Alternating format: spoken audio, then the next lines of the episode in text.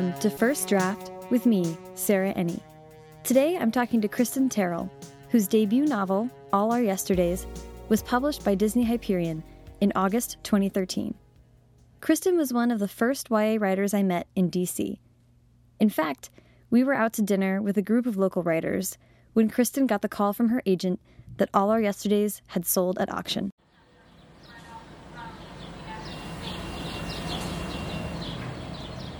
Cristin lives at the very last stop on one of DC's metro lines.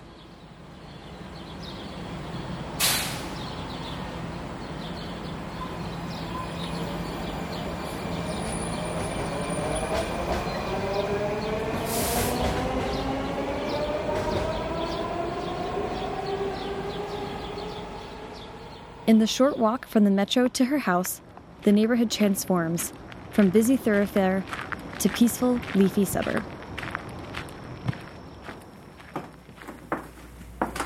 All right. Oh, it's so lovely. Thank you. It's like light purple walls. Oh, look, who who is this? I remember you talking about this artist. yeah, so Alphonse Mucha is um, my favorite visual artist. I don't really get visual art. Both my mother and my sister are artists, and it's just something that has always kind of eluded me. Like, I can appreciate it, but I don't know, it, it never really affects me on an emotional level, um, except Mucha. For some reason, I like, I saw an exhibit of his work in um, Germany and just fell in love.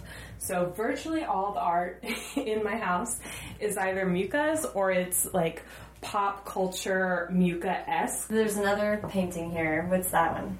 Oh, this is the German cover of All Yesterdays. Oh, because it's absolutely beautiful. Thank you. Yes, and it matches all my things. Yeah, I love it. It was so considerate of them. I know, right? I was like, that's actually what happened when they sent it to me. I was like, sweet, this will perfectly match my house. Um, but yeah, I, I made that for a, a video I did for the German um, Oh, cool. publisher. Also, you have a very intimidating amount of books. I do, and I have completely filled up all the bookcases in my house. So I'm now at the point where I can either just buy no more, or I have to like swap them in mm. and give some away, or I don't know. I haven't really come up with a solution yet. No, some kind of deal with the devil Yeah. to make more room. Because not buying more books is not. Yeah, it's not really a feasible solution. What- I could double up, you know? Oh. these are really deep, but then I can't see them, and that makes me sad. And then you're just sort of feeding the beast. Yeah, it's like true. Getting a little. Um, what is your um, when you are writing and sort of in that zone? Are you also reading? How does that switch on? I don't like to read YA while I'm writing, while I'm drafting at least. Um, I just get, I don't, I don't want to like accidentally lift something from what I'm reading, and also I get discouraged. I'm like, this book is so good, and mine's so terrible. Um, so I usually I read a lot of nonfiction actually when I'm drafting, um, but then I can read.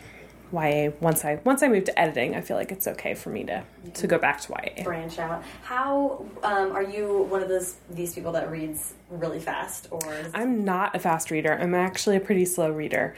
Um, I'm really jealous of people who are really fast readers because it definitely does limit the amount of books I can actually get to, which makes me sad. If everyone would just stop publishing books for like 10 years, maybe I could get caught up on what is actually in my house. you are definitely not allowed to say that? Everyone but me and my friends and people whose work I really like. Damn it, no, that won't work. Oh darn it! And you also have a really lovely little desk that sort I of do. looks out the window. Yeah, I never write there, but I do have it. you I do. I do like bills there sometimes and stuff like well, that. I do like pretty. work work there. Yeah, Then, are you writing on the couch? I'm mostly writing on the couch. Yeah, if, if I'm if I'm writing in the house, that's where I am. Cool. And where besides um, the house would you write? I write at my local library quite a bit. They have like little cells um, that kind of make you feel like you're in prison and there's no distractions. That's ideal for me. Like college finals Yeah. type of yeah. Exactly. And I also there's a there's a Starbucks near me that is like really weirdly nice. It has like a fireplace and like lots of like smushy chairs and there's like never anyone there. Um, so I write there quite a bit. Wow. Yeah. That's I will. I will clue you into the secret starbucks. I was gonna say, don't give the location. no. Um, that is awesome. Well, I, I actually, what I love about this room is that it is so like well. There's so much natural light. I couldn't write in a like dark corner Yeah. office type of thing, or like under the stairs or something, like wherever. Yeah. wherever yeah, I make do. That my neighbor has a dog who is Mm. um, sweet, but absolutely the stupidest dog I've ever met in my entire life. So he never recognizes me. So anytime he sees me, he barks his head off for an hour. Oh, boy. So if the dog ever catches a glimpse of me, I know that I just have to leave the room Oh my and gosh. do something else or go somewhere else because he won't stop. That is crazy. That'll change a day. Yeah. do this. Um, so hi. Hi. Um, we, I would like to start with a background about where you come from. Where, where were you born and raised? Um, I was born and mostly raised in Texas. Mm-hmm. Uh, and then I went away um, for college in New York State. And then I lived in England for a while. And then I moved around a whole bunch and eventually ended up here in DC. What drew you to DC? Um, I came here on a job. I got a job at the um, at the opera here, and then when the job ended, I really didn't want to move anymore, and I decided uh, to take a break from working in the theater anyway. So I just stayed. How did you start writing? Uh, I started writing when I was young. Um, the first thing I, I really remember writing that I took seriously at all was this really ridiculous, like, Mary Sue novel that I wrote when I was in middle school, um, which was like totally like a fantasy of mine. It was about a girl who gets discovered um, to star on Broadway, and her co-star falls in love with her, and like it was ridiculous. But I wrote like 200 pages of it. Um, That's I. I did not have much of a life in middle school. Well, how what, I was gonna say middle school is when I wrote me and my friends as aliens on a spaceship, a school on in space. So it sounds better than mine. I don't know. I don't know about that. Um, so yeah, so I did that, and then I got I got into fan fiction in high school, and I wrote a lot of fan fiction in high school and a little bit in college. Um, and then I didn't really write at all for a long time. Um, and I slowly kind of got back into the fan fiction. And the way I got into writing novels was my mother was not really happy with me working in the theater. And so she was always um, suggesting these alternative careers for me. You know, she'd be like, "Oh, Cristin, you should be a teacher, or uh, you should be a dog groomer. I'll send you to dog grooming school." Um, but her like number one was, "Cristin, you should be a novelist." And I was like, "Mom, that was ridiculous. I could never finish a novel, and even if I could, I could never sell a novel. Like you're living in a fantasy world." Um, but one year when I was, I think, like 25, um, I decided to write a novel for her for Christmas. Um, just, you know, like I had no ambitions about it. I was just going to write it for her because I knew it would make her cry and she'd love me more than my little sister. And that was like basically my main, my main motivation. Um, so I spent about nine months writing a really, truly, truly terrible novel. Um, and then I had it printed up and I gave it to her for Aw. Christmas. And yeah, she did kind of Cry. it. Yeah, she cried and totally still loves me more than my sister to this day. Uh, Winning. I know. Um, but through the process of doing that, uh, I discovered that actually I did write like did like writing novels. Um, so I wrote Yeah. a second, which got me my agent, and then I wrote the third, which got published. And Wow. my mother is very smug to this day. Yes, I'm. I was gonna say, how often do, would you say she claims responsibility for? Pretty often, although she still wants me to go to dog grooming school, which I don't like understand. She seems to think dog grooming is this gold mine, and that I would just be set for life if I had those skills under my belt. She knows you have two cats, right? Like, Well, she has actually a giant dog. Oh, so I think, yeah, I think she's kind of angling for some free dog grooming. yeah, well, so that's always out there. That's yeah. I mean, I can always. She was right I can always go back to dog grooming school. You'll always have that. um, the, I'm curious about the first book. Did you do revisions? Was there how did how did that go? You were sort of doing it as a lark. Yeah, how serious and did I it end had a up? really hard deadline, you know, like Yeah, a firm Christmas. deadline. Yeah. Um, so yeah, I definitely. So yeah, I was writing it, and it was going pretty well, I thought, and then Christmas just kept coming faster and faster. I was like, oh god. So I definitely didn't get to polish it as much as I wanted to. Um, but you did. I mean, you went back and you were revising. I it wasn't like you've hit end and then print and. No, no, no. I did revise it, um, and actually after Christmas, I revised it more, Ah. um, just because I couldn't stand the bits that I hadn't like gotten to. Yeah. Um, and of course, now that there's still like my people in my family have the printed version of that first novel, Oh. and like still read it or like taunt me with it, and I'm like, oh god, don't like. I just want it to disappear forever. It's the worst. What was the? How long did it take you to write the second book? Yeah, it took me about a year, I think, altogether, Yeah. um, between like when I started it and when I started querying. Uh, then once I got my agent, we worked on it together pretty extensively after Yeah. that, um, before it went on submission. And and so when you were then when you were on submission is when you wrote all our yesterdays. Yes. Okay. I wrote all our yesterdays. I started it like literally the day that the previous book went out on submission, and I could tell instantly that it was going to be a better book.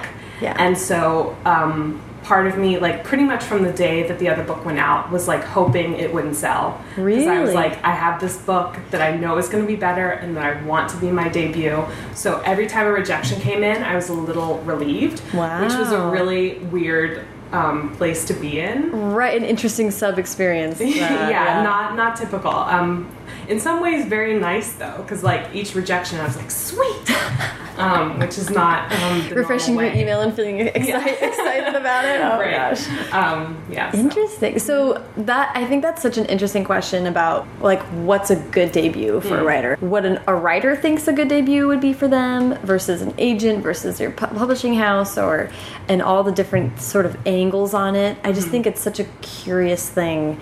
And then if you take a misstep there, It like, does kind of set the tone, Yeah. um, in a way, and so it's hard to deviate too much once that first book's out there. I Yeah. mean, certainly you can, and people have, but it's a it's a more of an uphill battle. Yeah. All yesterdays, excuse me, is like time travel, alternate. I mean, it's contempt, but it's not. Right. So, do you feel like do your books consistently sort of stay in that same vein, or your ideas that you have? My ideas don't usually adhere to a particular genre. Mm-hmm. Um, what I have discovered that I like to write are things that feel like they happen in the real world but are heightened experiences. Yeah. So, for instance, the book that didn't sell um, was technically contemporary, but it was about someone living on a really extreme religious compound. That's kind of the only unifying Yeah. uh, thread in what I write is that it's it's the real world, but to a to a higher level. At another usually. level, yeah. Okay. Actually, I really, really want to talk about theater. So, how did your interest in theater start, and when? Um, it started when I was very, very young. Um, like from the time I was, you know, eight or nine, my favorite thing in the world to do was to go to the theater. Um, and to do theater. I did Yeah. a lot of theater as a kid in school and community theater and stuff. Yeah. Um, and I was just kind of, yeah, it, was- it was always something that spoke to me and always something that I wanted to be involved in. Like I knew from the time I was 13 that that was my like great dream was to work in the theater. Yeah. Um, you know, it wasn't to be an author. Right. You know, like a lot of authors say, oh yeah, I knew from the time I was a little kid. Mine was, no, I want to work on Broadway. Mm-hmm. Um, When you were writing about Mary Sue falling in love with exactly. yeah, yeah. um, so yeah, so it was it was always something I wanted to do, and it was you know, practically always something that was a part of my life. I'm curious about what you think about how looking at storytelling from that point of view with so much passion and for such a long period of time, how do you think that informs writing novels? How do you think that changes your look at how a story can be told? You know, I've been asked this before, and I'm not entirely sure. I do think I'm more aware of things like blocking in my novels than a lot of writers might be. Um, that's one thing my agent has said to me is that she can always tell like where my characters are moving. I always remember if a character's picked up a glass that they need to put it down somewhere, like stuff like that. Because that was my job for a long time was to track where an actor is moving and when they're picking things up and putting them down. So I think Right. that's just something I'm very aware of is choreography. Um, but as far as storytelling, I don't know because it's such a different medium. Right. Um, I think that you know I I love theater for the same reason I love writing, which is that I just love stories and characters Right. and storytelling. Um, but I don't know how much of my experience in the theater I bring to my writing because Right. it is just so different. I would say, I guess, from having uh, read all our yesterdays, I do feel like, and and talking about heightened reality with a heightened experience, it seems like all our yesterdays would be extraordinarily hard to stage. Oh, I would think so. Yeah. I mean, it's it's very much Almost impossible. motion. People are always running somewhere, Right. And there's always like, yeah. Um, I I do think that would be difficult. Although you know, I never in a zillion years would have looked at his Dark Materials and been like, that would make a great play. Because it I would have said that's completely unstageable, but they did an amazing job at the National Theater, and it's one of the best plays I've ever seen. Really? But no, I would never. I would never be like, oh yeah, we should totally do a stage version of All Yesterdays. Although I'd kind of love to see someone else try. Wouldn't that be amazing? I guess, and I guess what I'm where I'm coming from with that is is thinking um, that you got that story and that idea, and it's something that sort of needs to be expressed in another medium. Right. So yeah. maybe it's another. I don't know. That's that's a good point. And also, yeah, a lot of what appeals to me about writing is the interiority of characters and getting in their brains, which is something that you really can't do on stage. You can Right. only sort of imply what a what a character's feeling. Mm-hmm. Um, so that's interesting. So maybe the lack of that in theater is part of what appeals to me about writing. yeah, it sort of fills the the Yeah. need for that. Um, what about dialogue? Yeah. Um, You like I it? mean, I do like dialogue. I mean, I'm kind of, you know, I was never a playwright. You know, I've never Right. written for the stage. I was never, well, I was an actor, but, you know, like at, in community theater when I was 15. Um, you know, I was a paper pusher essentially. So I don't know if my time in the theater made me better at writing dialogue than I would have been if I hadn't. Yeah. Well, there's one story about Aaron Sorkin, who the writer of The West Wing, but he started. I think the story was he worked in concessions, or he was a ticket guy at a at um, plays for years and years and years. And actually, couldn't even see the performance because he was actually still Oh, right. at the concession or outside, and that it gave him such an ear for dialogue that he could hear the audience reaction and Right. when things were working when they weren't. So I feel like that's and even from like the little bit of like just trying to write a scene out as a script or something as a, like an exercise that gives you a whole different idea for diet. It's Yeah, hard. It's interesting. I've never thought about that. Yeah, I definitely have listened to more plays than I've seen. You know, because Yeah, a lot of times I'm just on a monitor or whatever, and I'm just listening, Mm-hmm. um, as opposed to actually being able to see what's going on. So, Right. yes, maybe that's subconsciously. I'm gonna go ahead and say you're a genius at dialogue, Okay, and you. that's why. I, I'm going to go ahead and go along with that. So, what's the? If you don't mind me asking, your mom was not psyched about theater. What was the? What was her? She didn't enjoy. Her main her main complaint was that it's not a stable lifestyle. So she was like, "Oh, write novels instead." Who knows? So I was like, "That's not really a great solution, mom." yeah. Um, and I would love to hear uh, just about New York and London. What did you get to experience with your theater life there?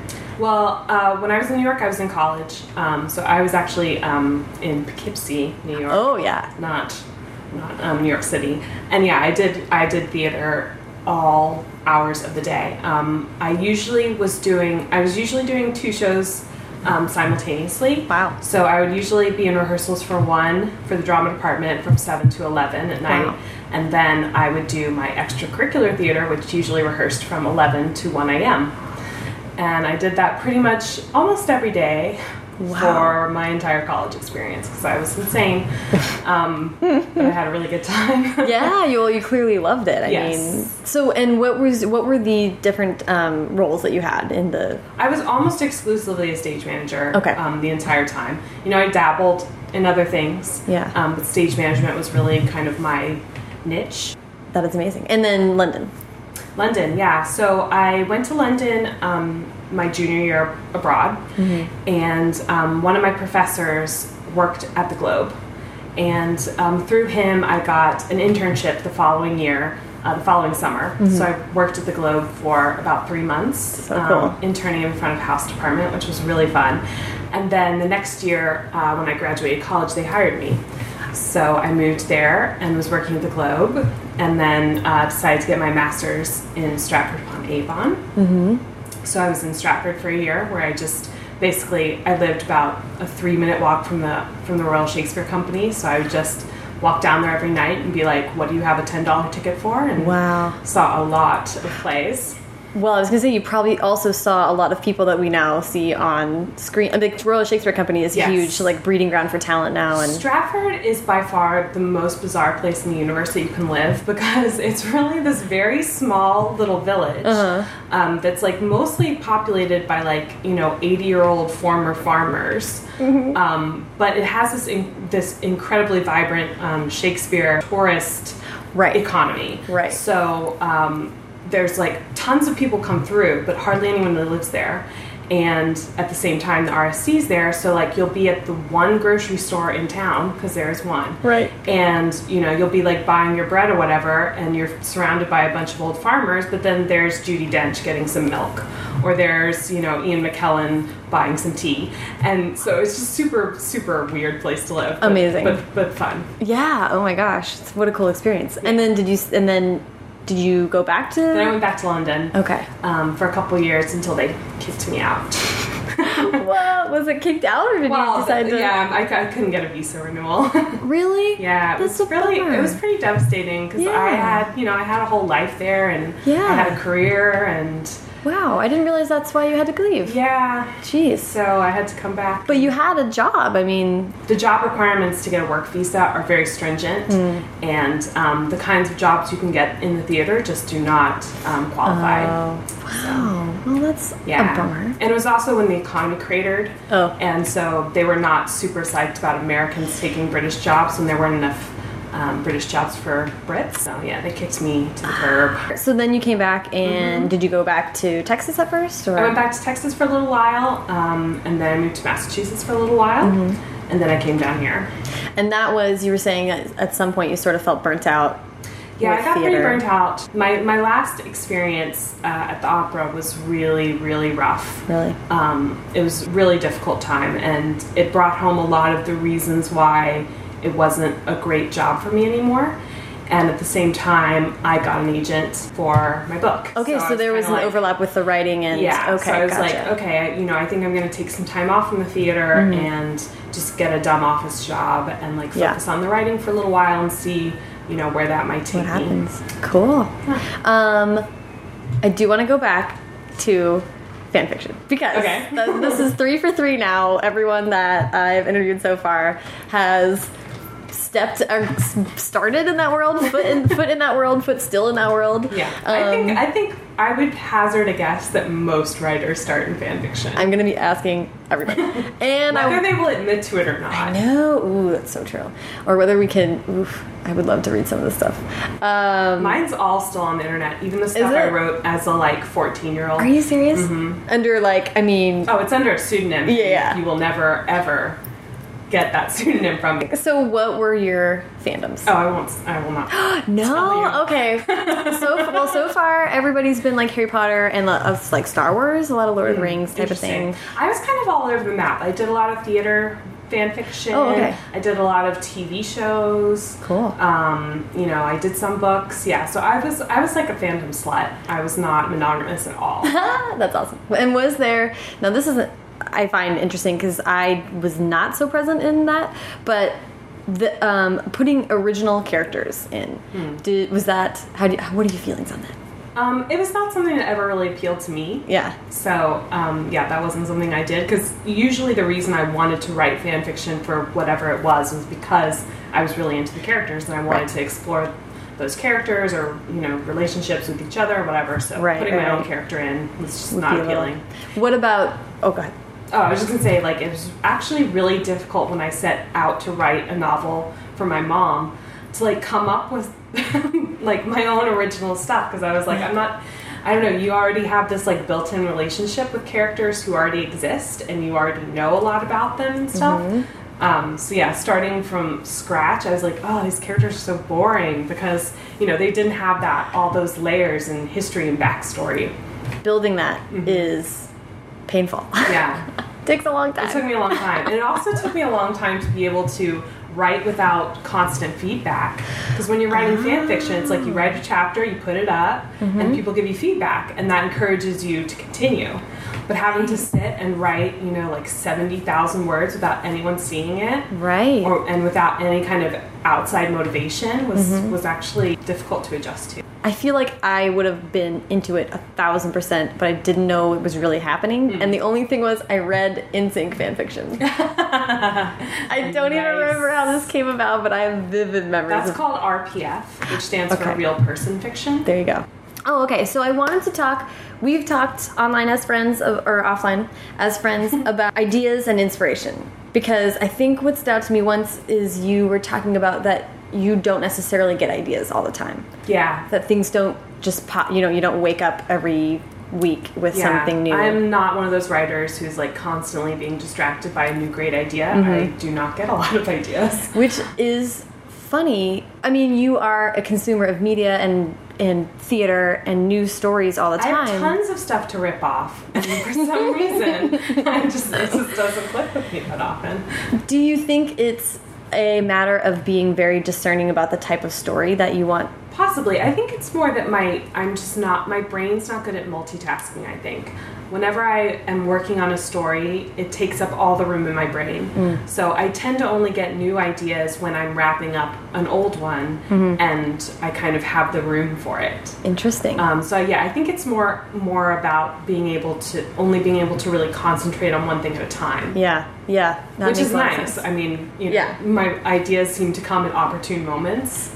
Um, That's good. yeah, I mean, because it would be terrible if you were just sort of sitting for months and months waiting. Yeah, for I, I have definitely, you know, had times where I've been wanting to get a new idea and been looking for a new idea and not been able to get it, Mm-hmm, or not been able to get that one that I'm like, yes, this is it. Like Right. I, I'll have ideas, but I'm Right. like, oh, that sucks. Right. Um, but yeah, those moments are have been pretty few and far between. Mostly, yeah, as soon as I'm kind of ready to start something new, Mm-hmm. the idea comes. I'm in this position where I don't have like I don't have this backlog of ideas Right. I want to write. Right, you're not torturing that I'll yourself. never get to. Yeah, Right. like I think that must be real. Like I have ten thousand books in my house that I've never read and that I know I will never get to read all of them. Right. And like that tortures me. So I can't imagine how much worse it would be with ideas you want to write and Yeah. like not having time to get to all of them. Yeah, 10,000 ideas that you could never do justice at all. Right. Yeah, that's a little haunting. I think about that a lot, actually. I'm like, there's only so much, like, life. So Yeah. you gotta get you writing. only write so many books Yeah. in your lifetime. Oh boy, um, that's getting too deep, too dark. Um, so you've had some experience with. I don't know if I would call it writing block. Would you consider it that? Um, it wasn't block. Like it wasn't like I couldn't write. Mm-hmm. Um, like the words wouldn't come, which is what I think of as writer's block. Right. It was more that the words would not be good. I wrote plenty of words. Well- they were just really crap. Right. Was it a, so? This particular book you were having trouble making it work, Yes. and um, tricky subject matter. Time travel is not easy. Time travel is not easy, especially when it's a second book and you've already established your rules and Mm-hmm. Yeah. you have to abide by them. You know, when I was writing the first book, I could kind of, you know, craft my rules Mm-hmm. of time travel to serve the plot I wanted to tell. Right. And this time I had to try and find a plot that would work within my rules. Right.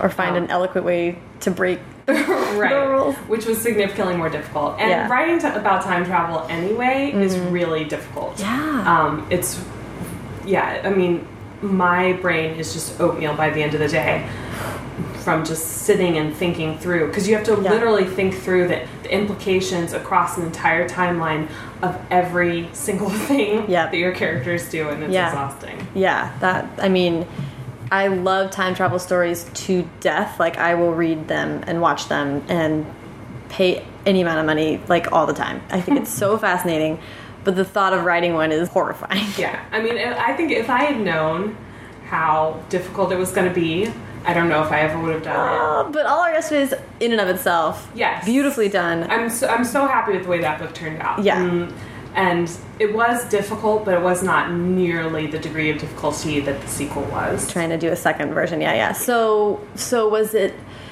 Because that's a good point. It wasn't really writing writer's block, but it was sort of.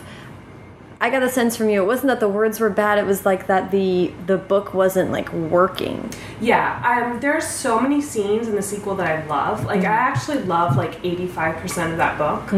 Um, but it just ultimately didn't come together. Yeah. Um, and I didn't know it wasn't going to come together until I was at that last 15%. And I was like, oh, actually, this doesn't work as a book. Right. It's a great collection of scenes, it's a great story in a way, but as a novel, Mm-hmm. it just doesn't come together. It doesn't have all those components um, Yeah. that you need for a really satisfying, well structured story.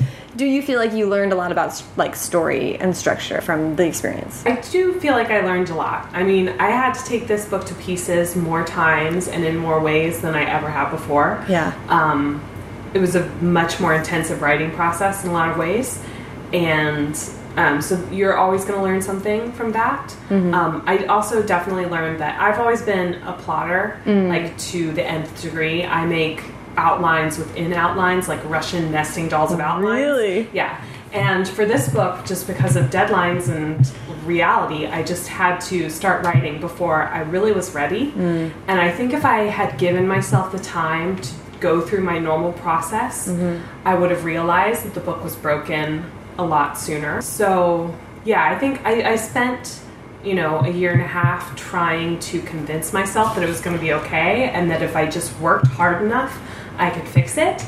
And it turns out that is not the case. Um, Oh. Sometimes a book just cannot be fixed. Yeah. And sometimes there's no way to know that until you're in the middle of it. Right. And that I really think is just the situation that I ended up in. I did absolutely everything a person could conceivably do to fix that book, and it just couldn't be done. It just was not. I don't know if, you know, possibly it is something that I will be able to do when I'm a mm. better writer or mm. when I've had more time or when I get that lightning bolt of like inspiration, like, oh, this is how to fix it.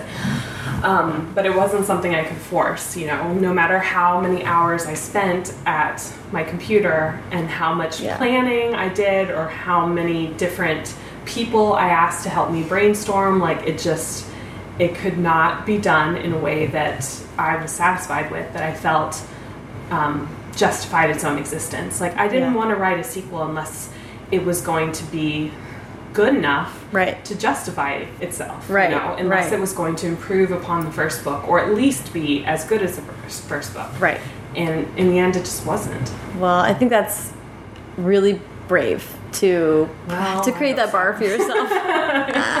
to create that sort of qual like, you know, to know that you wouldn't be able to stand proudly alongside this book and Yeah. to admit that you don't even want to go through with having to do that. Yeah. Um, is really brave, I think. Well, thank you.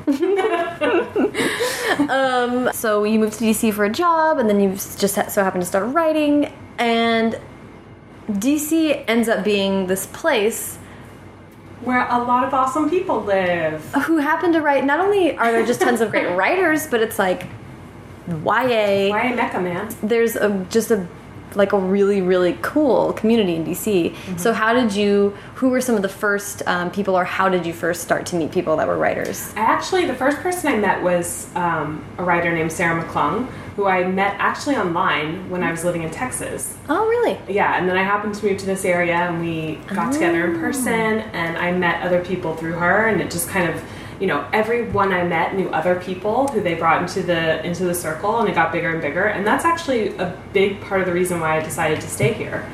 Um, was A, yeah, I was sick of like packing up my stuff and moving it.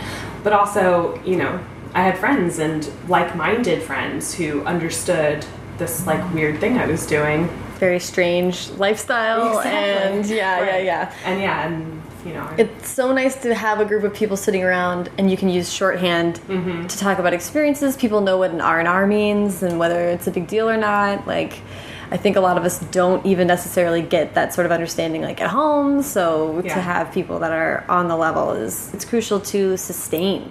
Mm-hmm. Like, writing one book is something of itself, but saying I will continue to do this, and I need to persevere through many different um, different books and hardship. yeah exactly it's having the community is just Yeah. pivotal um, so I think it gives you so much more perspective too.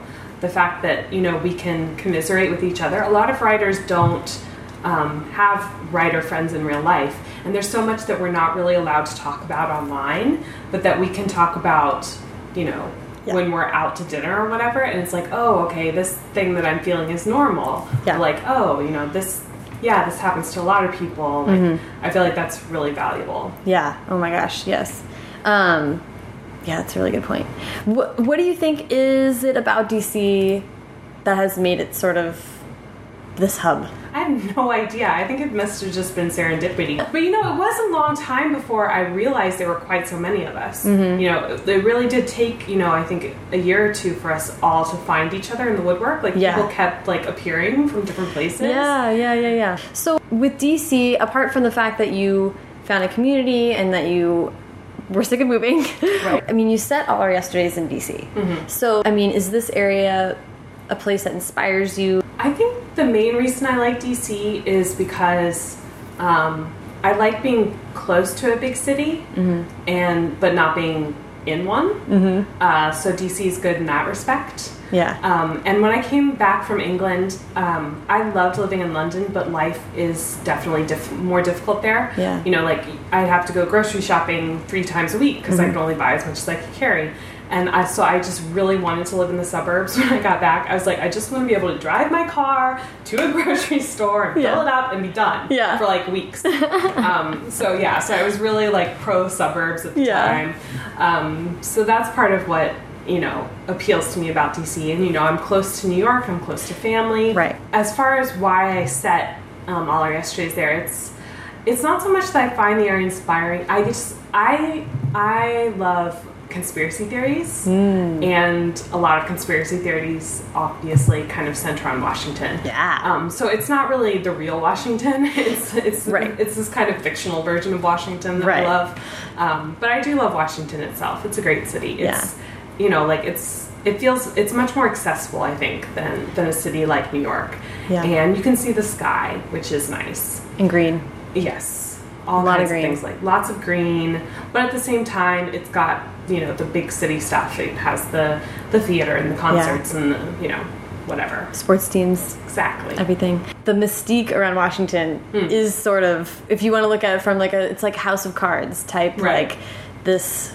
Which is not really Washington. No, they don't even film it in Washington. but it is a nice idea. I think it's some something in us that wants to believe that there is someone with a plan, A even if it's nefarious. Yes, that someone is in charge Yeah. of what's going on. That Yeah. it's not just random chaos. Yeah. Um, and that I think House of Cards is so it's been so funny in DC because people are obsessed with it and they're like it's like if you've been on Capitol Hill for a minute you realize that no one knows what they're doing and it's a big mess. and you're like if there was someone who had this amount of drive and pull and whatever it'd be all like in a sick way it's, it would be almost refreshing. Mm-hmm. But maybe that's just what they want you to believe, mm, Sarah. maybe it's all a facade to like hide the fact that the Illuminati are actually in control. That's true. That's true. It could be, you know? I'm always open to it. oh, now you have to write a book about the, the Illuminati. It's got to be in there Virtually all of my books, yeah, um, come from some kind of conspiracy theory or pull on one in some way. I love it. I'm obsessed with them, and I cannot believe I've not been arrested yet and taken in by the NSA because I the stuff I Google and the websites I visit. Oh. I mean, I was literally it, during writing um, all yesterday's googling like how to get around Secret Service. How to assassinate a congressman. I was just like, just waiting for the oh, knock on the Oh, yeah. door. Little me. Yeah. Oh, no. Oh, my gosh. I think there's, yeah, I love that's a common thing with writers. Like, oh, how Yeah. quickly do you die from a knife wound? Like, Right. oh, man. I have to stay a writer forever because it's my only like plausible deniability if the feds ever come for me. That's true. You can't. Yeah, don't give up the ghost. Yeah. a dog groomer is not gonna get off the hook for wanting to kill a No. congressman. but was there anything else about writing that you sort of like maybe advice or something that you would give to someone who's starting out? The most important thing for me when I was starting to write was a the routine, writing Yeah. a little bit every day, um, but also just letting go of my perfectionism and, and like accepting the fact that there were a lot of crappy words inside of me that had to get out before Yeah. I could start writing decent words. Yeah. Because that did hang me up for a long time. Yeah. knows? I would write something and I would read it and I'd be like, this is terrible. I must not be a good writer. Mm-hmm. But that's not really the case. You just have to write badly before you can write well. Um, something that I meant to ask earlier. The whole thing you were saying about in, uh, being motivated by with with in the context of fan fiction having peop having consistent feedback because we have beta reader like a beta reader process now. Sure. Do you think that like, in real life people that you can actually call on to brainstorm and help? Do you think that that's successfully sort of filled that? motivation? Um, I think it's more that I just kind of learned to go without it. Yeah. Um, because a, a you know a beta reader generally for me functions as um, someone to tell me what I need to improve.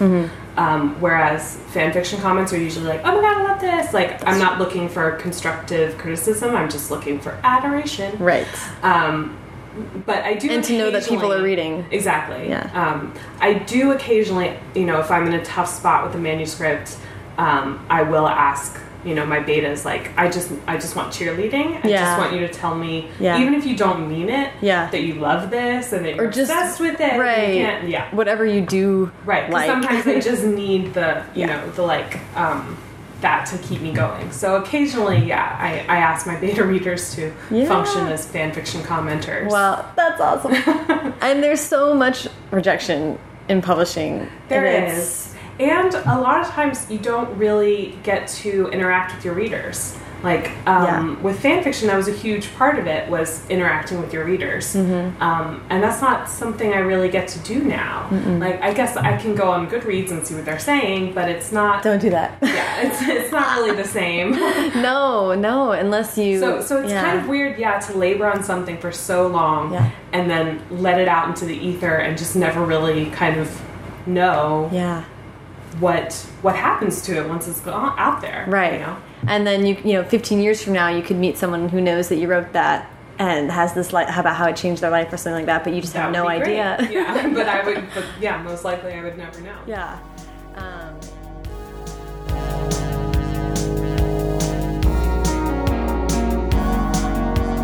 Thank you so much to Cristin Terrill. You can follow Cristin on Twitter at Cristin Terrill and follow the show at First Draft Pod and me at Sarah Enni. If you like the show so far and you're interested in helping support my ongoing road trip efforts, you can visit the website www.firstdraftpod.com and click on support. And thank you so much to everyone who's done so already. I am getting really excited to send out some very, very silly postcards. Thank you so much to Hash Brown, who created the original music for First Draft Pod, and also to Colin Keith, the designer who created our logo. Thank you so much for listening.